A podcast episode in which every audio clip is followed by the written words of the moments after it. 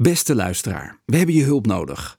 Na de collecteweek van vorige week is de begroting helaas nog niet helemaal rond.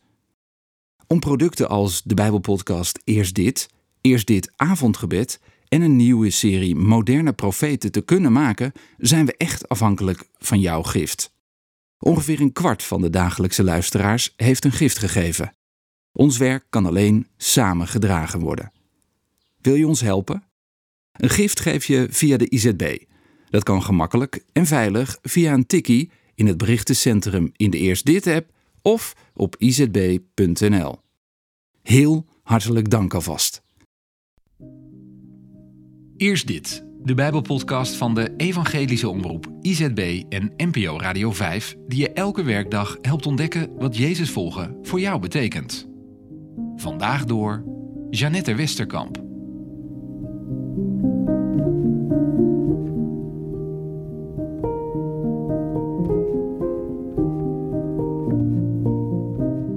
Lezen Lucas 7, vers 36 tot 50 over een ongenode gast. Een van de fariseeën nodigde hem, Jezus, uit om te komen eten.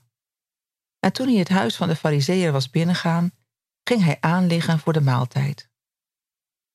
Een vrouw, die in de stad bekend stond als zondares, had gehoord dat hij bij de fariseeën thuis zou eten. En ze ging naar het huis met een albasten flesje met geurige olie.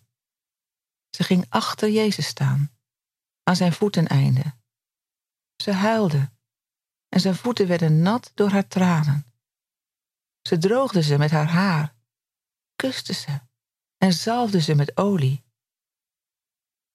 Toen de fariseeën die hem had uitgenodigd dit zag, zei hij bij zichzelf: Als hij een profeet is, zou hij weten wie die vrouw is die hem aangeraakt heeft, dat ze een zondares is. Maar Jezus zei tegen hem: Simon, ik heb je iets te zeggen. Meester, spreek, zei hij. Er was eens een geldschieter die twee schuldenaars had. De een was hem 500 denari schuldig en de ander 50 denari. Omdat ze het geld niet konden terugbetalen, schold hij beiden hun schuld kwijt. Wie van de twee zal hem de meeste liefde betonen? Simon antwoordde: Ik veronderstel degene aan wie hij het grootste bedrag heeft kwijtgescholden. Hij zei tegen hem: Dat is juist geoordeeld. Toen draaide hij zich om naar de vrouw en vroeg aan Simon: Zie je deze vrouw? Ik ben in jouw huis te gast en je hebt mij geen water voor mijn voeten gegeven. Maar zij heeft met haar tranen mijn voeten nat gemaakt en ze met haar haar afgedroogd. Jij hebt me niet begroet met een kus, maar zij heeft, sinds ik hier binnenkwam, onophoudelijk mijn voeten gekust. Jij hebt mijn hoofd niet met olie gezalfd, maar zij heeft met geurige olie mijn voeten gezalfd.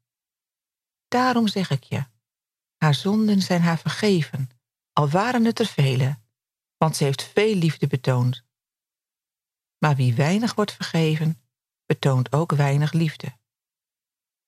Toen zei hij tegen haar, uw zonden zijn u vergeven.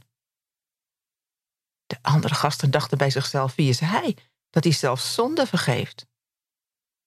Hij zei tegen de vrouw, uw geloof heeft u gered. Ga in vrede.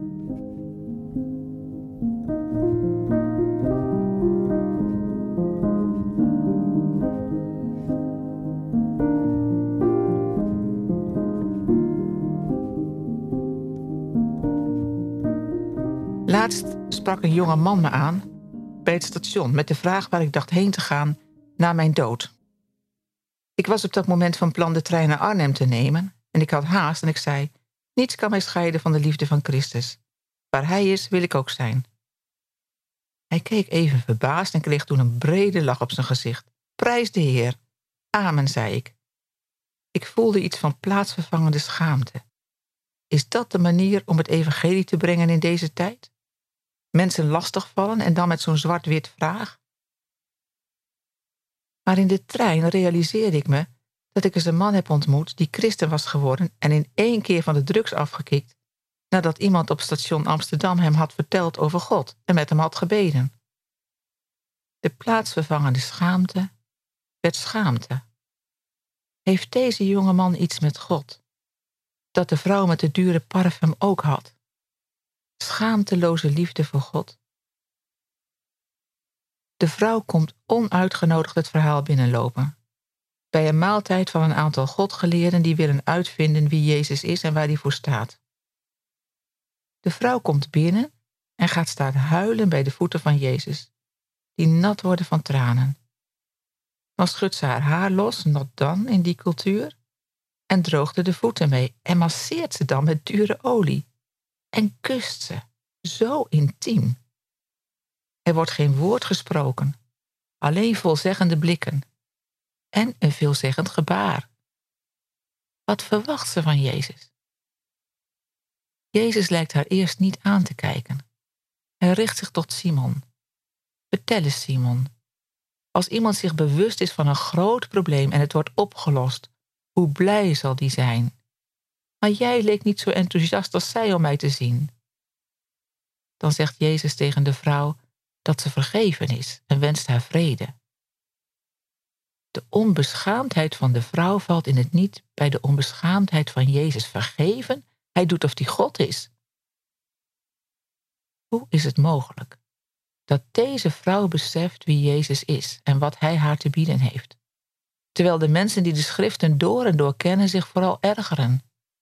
Wat zoeken zij eigenlijk? Zoeken ze iets wat ze al lijken te weten? Voor de vrouw is Jezus niet het antwoord op vragen, hij is haar redder. Ze heeft er alles voor over om van haar schaamte en schuld af te komen, al moet ze schaamteloze blikken en beschuldigende vingers verduren. We weten niet hoe ze weet dat ze bij Jezus moet zijn. Misschien weet ze het niet eens zeker, ze doet een stap in geloof. Soms moet je zo'n stap doen voordat je het zeker weet. Soms moet je Gods goedheid ervaren voor je beseft hoe reddeloos verloren je was zonder Hem. Het is Gods goedheid die tot boetvaardigheid leidt, zegt Paulus. Er werd iemand gedoopt in onze gemeente na een losbandig leven. Ze wist precies wanneer alles was veranderd. Ze liep over van blijdschap om jaloers op te worden. Ik ken zo'n moment niet, dat alles veranderde. Jij? En de dingen die ze daarna meemaakte met God waren verbazend. Zo ken ik God ook niet. Maar ze zei: Wees niet jaloers. Ik ben jaloers op jou, dat God altijd in je leven is geweest. Sindsdien heb ik heel wat feestjes meegemaakt die God geeft voor kinderen die thuiskomen. Wat voel jij bij die blije christenen die dingen vertellen over God, die misschien helemaal onbekend voor jou zijn?